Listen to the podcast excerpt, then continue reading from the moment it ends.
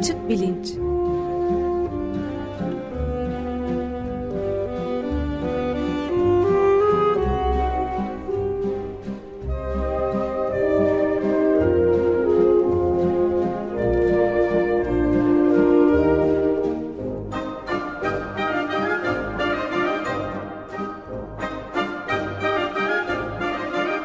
Güven Güzeldere ile bilim ve felsefe sohbetleri.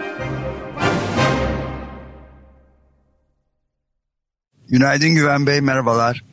Günaydın Ömer Bey. Günaydın. Günaydın Özdeş. Açık bilinçte e, depremle plan ilgilenmiyoruz artık bu kadar. Yoğun zaten radyo bütünüyle e, oraya konsantre olmuş vaziyette. Ama daha önceden de konu, konuğumuz olmuş olan Meliha Korkmaz'la görüşüyoruz bugün galiba. Siz tanıtımını yapar mısınız lütfen? Tabii yaparım memnuniyetle. Hoş geldin Meliha. Hoş buldum. Merhaba. Günaydın. Günaydın. Günaydın. Günaydın. Herkese. Ee, şimdi tabii depremle ilgilenmiyoruz değil, deprem programlarını açık bilinçten e, vakayı nameye havale ettim evet. ben. Ben kendi e, yani dep depremi aslında unutmamamız lazım ve e, deprem konusunda pek çok program e, sırada var. E, onlar gelecek ama cuma günleri açık bilinçte felsefe bilim e, tartışmalarına geri döndük. E, konuğumuz Melia Korkmaz'ı hatırlayanlar olacaktır. E, tırnak içinde alternatif tıp diye bilinen bir alan konusunda bir seri yapmıştık. Orada bize iki program yapmıştı. E, kendisi e, tıp profesörü, e, Hacettepe Üniversitesi Tıp Fakültesi mezunu ve nükleer tıp ve radyo farmasi uzmanı. Bugün de zaten nükleer tıp nedir e, e, sorusuyla e, başlayarak e, konuşacağız. E, Profesör Melia Korkmaz bir süre davetli olarak Texas Üniversitesi e, MD Anderson Kanser Merkezi Tanısal ve Deneysel Metabolik Görüntüleme Merkezi'nde e, çalışmıştı. E, 1996'da Türkiye'nin ilk radyo farmasi uzmanı oldu ve yüksek lisans ve doktora öğrencileri yetiştirmeye başladı. E, Hacettepe Üniversitesi Tıp Fakültesi 2000 yılı bilim araştırma ödülünü aldı. 2002'de Sağlık Bakanlığı Eğitim ve Araştırma Hastanelerinde ilk kez nükleer tıp eğitim kliniği kurarak tıpta uzmanlık eğitimi vermeye başladı. Bugün de e, konuşmak istediğimiz konu aslında nükleer tıbbın ne olduğu. Oradan başlayalım istiyoruz. Fakat ben e, Profesör Melia Korkmaz'ın aynı zamanda e, kanıta dayalı tıp emekçisi olduğunu, bilim e, ve e, ciddi bir edebiyat tutkunu olduğunu, iyi bir, dikkatli bir açık gazete e, ve genelde açık radyo dinleyicisi olduğunu da belirteyim. Yeniden hoş geldin Melia. E, şimdi ben bu nükleer tıp e, terimini ilk kez duyduğum zaman yani çok sene oluyor. Böyle acaba daha o zaman da soğuk savaş falan sürüyordu. Nükleer savaşla ilgili bir şey mi? Orada kullanılacak teknikleri geliştiren bir tıp alanı mı? Acaba filan diye düşünmüştüm. E, sonradan da işte ne olduğunu iyi kötü anladım ama hiç nükleer tıp e, terimini duymamış insanlar için oradan başlayalım. Yani nükleer fiziğin geliştirdiği teknolojilerle tıp alanında kullanımlar, uygulamaların e, herhalde bir ilgisi olsa gerektir. E, senin çalıştığın alana niye nükleer tıp deniyor? Evet, ilgisi var gerçekten. E, neden deniyor? E, nükleer tıp e, artık nükleer tıp ve moleküler görüntüleme diye adlandırıyoruz yaptığımız şey e, tıp dünyasındaki gelişmelere paralel olarak hemen hemen e, tıbbın her alanında hastalıkların tanısı, tedavisi, tedavinin planlanması, tedavinin izleminde radyofarmasötikler kullanan bir uzmanlık alanı.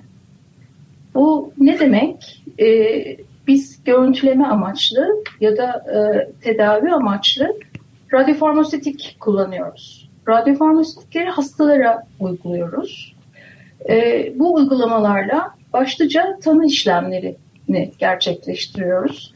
E, tanı işlemlerimiz daha kapsamlı birçok tanı işlemine göre e, bir test gibi düşünebilirsiniz veya girişimsel işlem gibi düşünebilirsiniz. e, pek çok hasta e, nükleer tıpa tanı amacıyla geldiğinde en az birkaç saatini bazen birkaç gününü bizimle gerçekleştiriyor, geçiriyor. Nükleer tıpta biz e, radyofarmasötikleri kullanıyoruz. Radyofarmasötikler e, radyonüklit ve de farmasötik kısımdan oluşuyor. E, radyonüklitler tamamen e, yapay radyonüklitler. Ne olduğunu, e, içinde neyin olmadığını, carrier dediğimiz taşıyıcılar veya zararlı kısımların olmadığını, e, ne kadar zamanda bozunuma uğradığını, e, hastaya vermemiz gereken e, doz miktarını bilebildiğimiz tamamen e, kontrolümüz dahilindeki radyonükleer çoğu e, çok kısa yarı ömürlü. Bizim çok hızlı görüntüleme işlemimizi işlemini bitirmemizi gerektirecek kadar kısa ömürlü. Hatta bazısı e, yerinde üretim gerektirecek kadar kısa ömürlü. E, bu radyonüklit kısmını biz farmasötik yapılara bağlıyoruz. Bunu kendi e, çalıştığımız hastane biriminde özel radyofarmasi laboratuvarında gerçekleştiriyoruz. Bu farmasötik bileşen aminoasit olabiliyor. Protein, ilaç, hormon, antikor, aklınıza gelebilecek pek çok molekül oluyor. Böyle binlerce molekül var. Özellikle PET e, radyonüklerini de kattığımız vakit e, kapsama e, çok geniş spektrumda işaretleyebildiğimiz ürünler var. E, bunlar bir çeşit akıllı ilaçlar. E, çoğunlukla SPECT için teknisyuma bağlıyoruz. PET çalışmaları için e, floron 8'e bağlıyoruz. En kullanışlı ve verimli olan onlar oluyor. E, bunlar tabii e, vücuda verdiğimiz vakit gideceği yeri bilmiyorlar. Biz ayarlıyoruz. Hani karaciğere gitmesini istiyorsak ona göre bir farmasötikle, ilaçla veya antikorla, proteinle bağlıyoruz. Ya da beyine gitmesini istiyorsak ona göre bir bileşenle bağlıyoruz. Bunlar bir çeşit akıllı ilaçlar haline geliyorlar bizim elimizde. Sonra yine... Bu ilaçları da pardon kestim ama görüntüleme için kullanıyorsunuz. Çünkü bu ilaçlar vücudun içinde olduğu zaman daha rahat görüntüleme yapabiliyorsunuz ya da görüntüleme mümkün oluyor öyle mi? Aynen öyle. Bizim aslında bu hibrit görüntüleme sistemleri öncesinde e, cihazlarımız herhangi bir radyasyon barındırmıyordu. Aynen bir termometre gibi düşünün. Sadece olanı dedekte ediyordu. Şimdi e, bir takım atenuasyon sebepleri ve de e, anatomik bilginin artması nedeniyle e, düşük dozlu hibrit tomografiye bağlı sistemler kullanıyoruz çoklukla. Bunlar bize bir takım avantajlar sağlıyor. E, çok az kesit alarak hastaya çok minimal ek e, tomografi dozu vererek gerçekleştiriyoruz.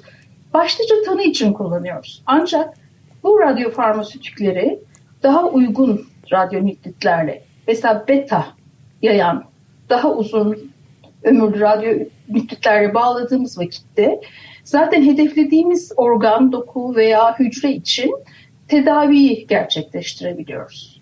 Bunlar e, 0,3 milimetreden az hareket ediyorlar hücre etrafında, hücrede e, ve de hiç çevre dokulara zarar vermeden e, hedef dokuyu ışınlayarak e, hastalıkları iyileştiriyorlar. Peki tıpta görüntüleme dendiği zaman işte mesela herkes bir MR çektirelim falan diyor. Ee, yani çeşitli görüntüleme yöntemleri var. Ee, sizin kullandığınız yöntemler PET gibi, SPECT gibi daha farklı e, yöntemler. Herhalde her birinin daha güçlü olduğu, daha iyi uygulanabilir olduğu alanlar olsa gerek. Ee, radyoloji bir e, işte tıbbın altında bir e, bilimsel kategori olarak bir alan olarak bu görüntülemenin sonuçlarından işte bir takım önerilerde bulunuyor filan. Nükleer tıp radyoloji değil değil mi? Başka bir şeyden bahsediyoruz burada ve farklı bir yöntem izliyorsunuz.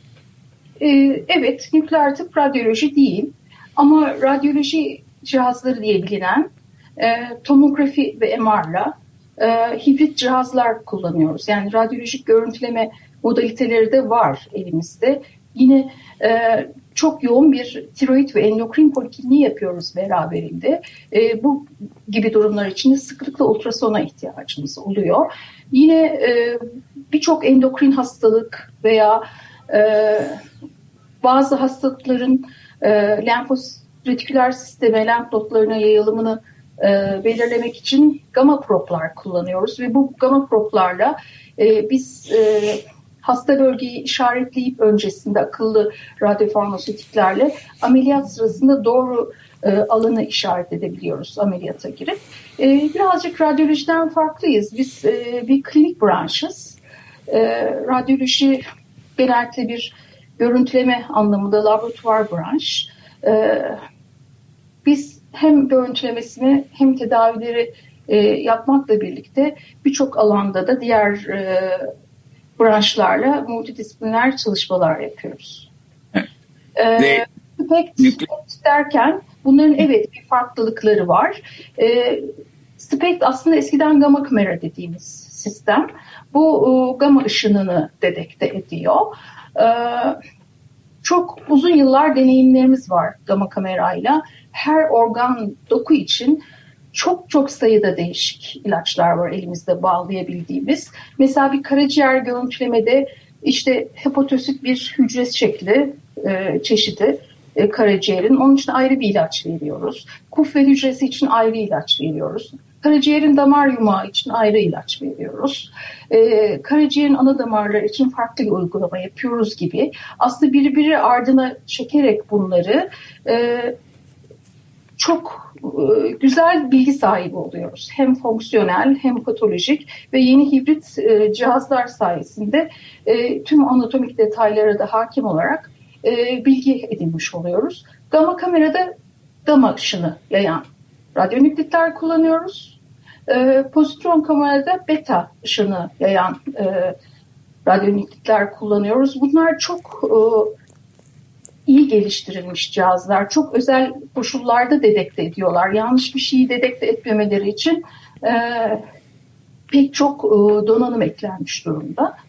E, onun dışında bütün bu cihazların dediğim gibi BT ve MR ile e, hibrit olanları var. E, BT ile hibrit olması bize BT kısmını açmayabiliriz çekim sırasında veya açabiliriz e, ek bir sıkıntı çok önemli bir ek radyasyon oluşturmuyor. Ama MR'la hibrit olanlar görüntüleme süresi anlamında ciddi problem oluşturuyor. Hasta konforuna uygun olmuyor. Kullandığımız radyonükleitler çok yarı ömürlü ve de çok pahalı PET-MR'da kullandıklarımız. PET-CT'de kullandıklarımız da aynı ama PET-CT'de yaklaşık 15 dakikada biterken işlem PET-MR'da 45 dakikaya 90 dakikaya uzuyor. Bu yarı ömürlü e, radyonükleitin bir sonraki hastaya kadar birkaç hastalık dozu elimizde kendiliğinden yok olmuş oluyor. E, böyle teknik sorunlar sorunlar ve de kullanım maliyetiyle ilgili e, problemleri var. E, daha geliştirilmesi gereken sistemler PETMR. E, çoğu yerde yok. Çok sayılı e, miktarda var e, Türkiye'de. Zaten dünyada da çok fazla PETMR yok. Ama PET-CT çok yaygın artık. Hani ülkelerinde var dünyada. Türkiye'de de 200 civarında PET-CT kullanımda günlük rutinde. E, ve e, nükleer tıbbın uygulama alanları arasında onkolojiden nörolojiye, kardiyolojiden enfeksiyon hastalıklarına kadar pek çok alan var. Peki diyelim benim bir hastalığım var işte bunlardan bir tanesi. Bir nükleer tıpçıya mı gideyim yoksa işte e, radyasyoncuya mı, onkoloğa mı gideyim, e, radyoloğa mı gideyim pardon. E, bu soru sana da çok geliyordur herhalde. E, buna nasıl e, karar verilmeli? Herhalde farklı alanların daha güçlü olduğu farklı e, hastalıklar olsa gerek. E, Öyle mi? E, tiroid e, ve endokrin dışında açıkçası e, çok fazla hasta direkt bize gelmez. E, ama e, refere edildikleri yerlerden direkt bize gelirler. O zaman biz onların poliklinik işlemlerini, muayenelerini yapar e, işlemlerine devam ederiz. Hasta bizim hastamız olmuş olur. Yoksa hastaların direkt geldiği bir e, nükleer tıp polikliniği yok. Sadece tedavi yapılan hastalar veya işlem yapılan hastaların takibi için gelmeleri söz konusu şu anda. Evet. Bir referans. Bu alan, e, senin Amerika'dan gelip bu alanı kurduğun zamana kadar Türkiye'de yoktu. Ne yapılıyordu o zaman? Herkes işte radyologlara, onkologlara mı gidiyordu? Şimdi e, PET e, ben Amerika'dan döndükten sonra Türkiye'de ilk kurulmaya başladı. E, PET de e, 2000 10'lu yıllarda kurulmaya başladı. Ama eski gama kameralar vardı. Planar e, görüntü alan. Ama yine bunlar da e, çok e, kapasitesiz cihazlar değildi aslında. E, Birçok dinamik kinetik çalışmaya da izin veriyordu. Tüm vücut çekemiyordu, tomografi çekemiyordu. Yani e, biz ışınlarla da bir tomografi oluşturabiliyoruz. İlla ki e, BT olması gerekmiyor. Bunları yapabilen cihazlardı ve o zamana göre de e, epey bir radyofarmasötik e, oluşturmaya yetecek e, farmasötik kit vardı Türkiye'de. E, bir işler yapılıyordu. Ama sonra gerçekten e, sonraki yıllarda çok hızlı gelişti. Peki ben de bir şey sorayım. Buyurun. Yani şeyi bu nükleer tıbbın e, genel olarak diğer radyolojik etkilerden e, yani karsinojen ya da başka türlü etkileri olduğu öteden beri böyle kaygı konusu olan bir nokta. Burada nasıl durum sizin sahanızda? Sağ olun. Açıkçası hastalar hiç korkmasın. Biz hasta yakınlarını gerekmedikçe içeri almıyoruz. Hastalara verdiğimiz e, doz e, çok ancak çalışmayı tamamlamaya yetecek, görüntülemeye yetecek e, miktarda oluyor. Boyuna, yaşına, kilosuna, yağ dokusuna göre bunları modifiye ediyoruz. Ve işlem bittiğinde genellikle çıkarken çok ufak bir miktarda doz kalmış oluyor. E, bu dozun e, atıldığı organlar sıklıkla böbrek oluyor. İşte ekstra 1 litre su içmesini e, mesanede böbrekte çok beklemesin diye aktivite e, diyürezi sağlayıp sık tuvalete gitmesini öneriyoruz. E, hasta için zaten bir zarar söz konusu değil. Yarar zarar oranına bakınca hiç değil. Burada asıl sorun nükleer tıp çalışanları. Çünkü e, bizde devamlı ortam iyonize ortam. Yani e, hastalar kaynak olduğu için cihazları kapatınca bitmiyor.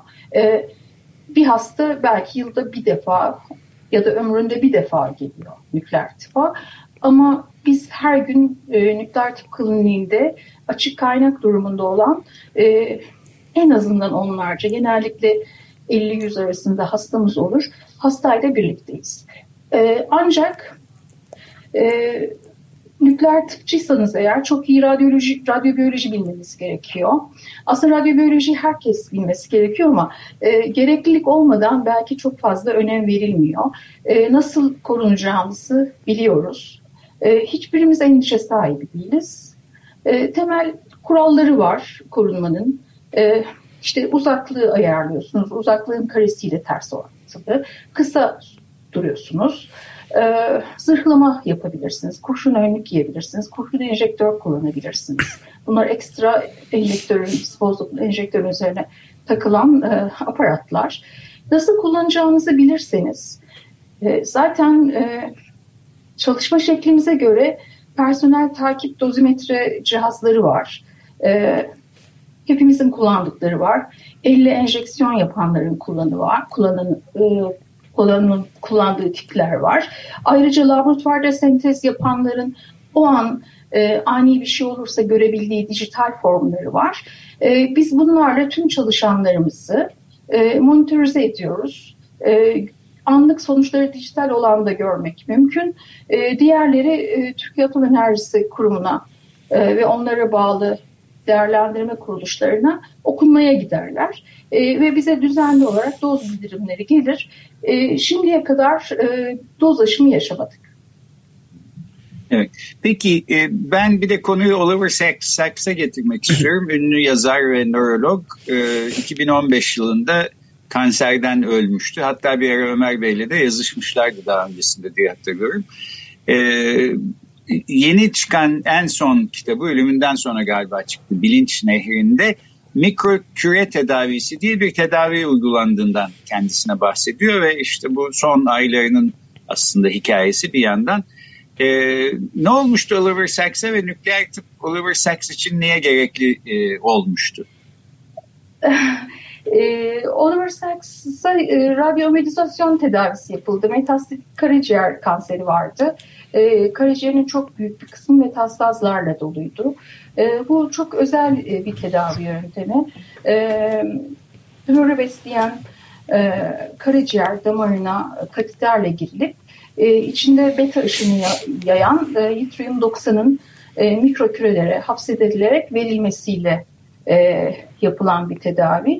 E, genelde e, daha iyi tolere ediliyor. Ancak Oliver Sacks'te birazcık e, vücutta böbrek üstü bezlerinden değişik bir sendrom oluşturmuş geçici. E, onunla ilgili yan etkileri çok güz, e, güzel anlatmış Oliver Sacks kitabında. E, ben hep e, arkadaşlara bunu örnek veririm. Böyle böyle bakın bu nedenle olmuş olabilir, siz ne düşünüyorsunuz gibi. O değişik bir olgu. Yine e, Steve Jobs'a da bir benzer tedavi biliyorsunuz çok geç kalınarak verilmişti. Onun da pankre, e, pankreatik neti vardı. Pankreatik neuroendokrin e, tümörü. E, ona da e, lutesyum dota tedavisi verilmişti. Bu bizim galyum 68 ile yaptığımız bir takım PET çalışmaları var. Galyum 68 PSMA duymuşsunuzdur. Prostat için çok popüler, e, inanılmaz başarılı bir e, ajan.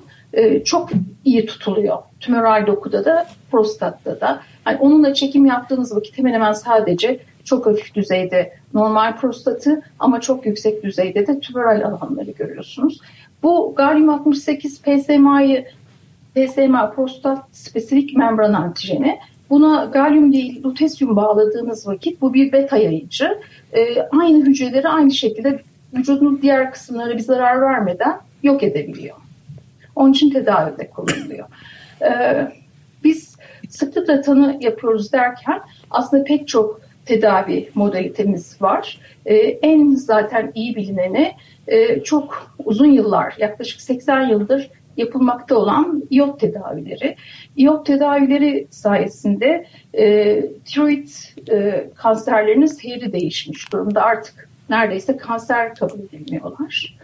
E, mutlaka atom aldım, atom verecekler diye e, duymuş olan bir yakınınız vardır. Bu radyoaktif iyotu e, tiroid kanserleri dışında tiroid e, aşırı çalışan tiroid tümörlerin, e, e, nodüllerinde de kullanabiliyoruz. Ayrıca yine aynı iyotu e, görüntüleme amacıyla takipte de kullanabiliyoruz. Yani kansere karşı mesela e, kemoterapi denen tedaviyi gören kişiler e, daha sistemik bir şekilde bütün vücutlarına etki edecek bir ilaç almak zorunda kalıyorlar.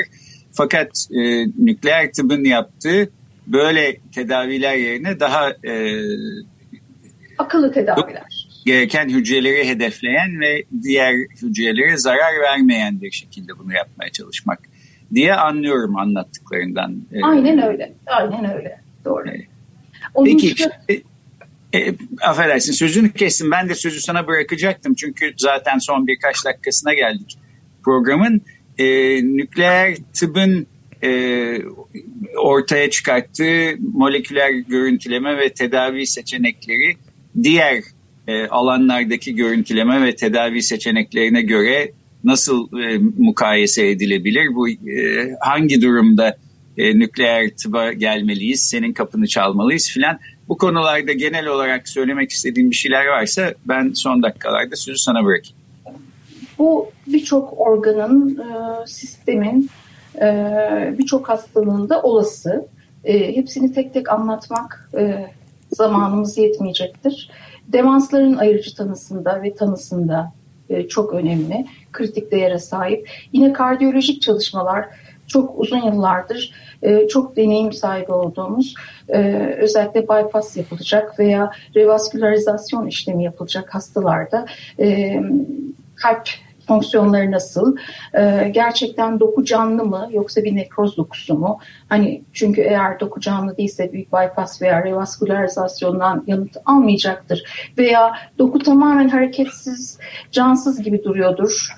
Fibrine miyokardiyum dediğimiz kış uykusuna yatan kalp kısı veya stunning e, kalp kası gibi. Bu gibi durumların ayırıcı tanısını yapmak çok hayati. E, aklıma gelen hani bu kısa sürede bir iki tane söylemek isteyebileceğim herhalde bunlar. Bir ara prostat dediniz galiba.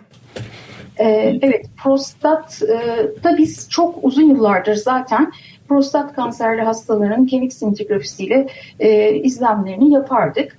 E, sonra galyum 68 PSMA prostat spesifik moleküler antijenle bağlı bir PET e, radyo farmasötiği e, bulundu. E, bununla ilgili jeneratörler de bizim bölümlerimizde bulunabiliyorlar. Bizde var böyle bir üretim sistemi. Bunu PSMA'ya bağlayarak galyum 68'i e, yarım santimlik e, prostat e, nodülünü, metastazını bile görüntülememiz ve bunda eğer e, diğer tedavilere yanıt vermeyen e, bir durum varsa e, bir beta işaretleyiciyle aynı şekilde bir araya getirip tedavide e, akıllı radyofarmastik formunda hedefe yönelik e, ışınlama yapıp tedavi yapmamız mümkün. E, bunun amacı böyle bir yaygın veya tedavi vermez e, durumdaki hastayı radyasyonun sekonder olası etkilerinden koruyup sadece yok edilmek istenen dokuya veya hücreye yöneltilmesi. Peki çok teşekkürler. Böylece de tamamlayalım. Bu çok aslında teknik ve detaylı bir konu ama genel hatlarıyla öğrenmiş olduk. Bugün konuğumuz Profesör Melia Korkmaz Ankara'dan bağlandı. Nükleer tıp ve radyofarmasi uzmanı. Ee, nükleer tıbbın ve radyofarmasinin ne olduğunu, ne şekilde kullanıldığını, diğer alanlardan nasıl e, farklı olduğunu e, bize açıkladı. Çok teşekkür ediyoruz Melia.